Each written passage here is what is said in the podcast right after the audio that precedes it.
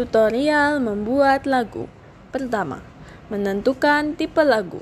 Misalnya, cinta, sedih, bahagia, dan lain-lain. Kedua, menentukan genre lagu. Bisa pop, bisa dangdut. Ketiga, membuat lirik lagu. Keempat, menentukan struktur lagu. Kelima, menentukan nada atau kunci dasar. Keenam, membuat nada lagu. Ketujuh, finishing. Coba nyanyikan lagu yang sudah Anda buat.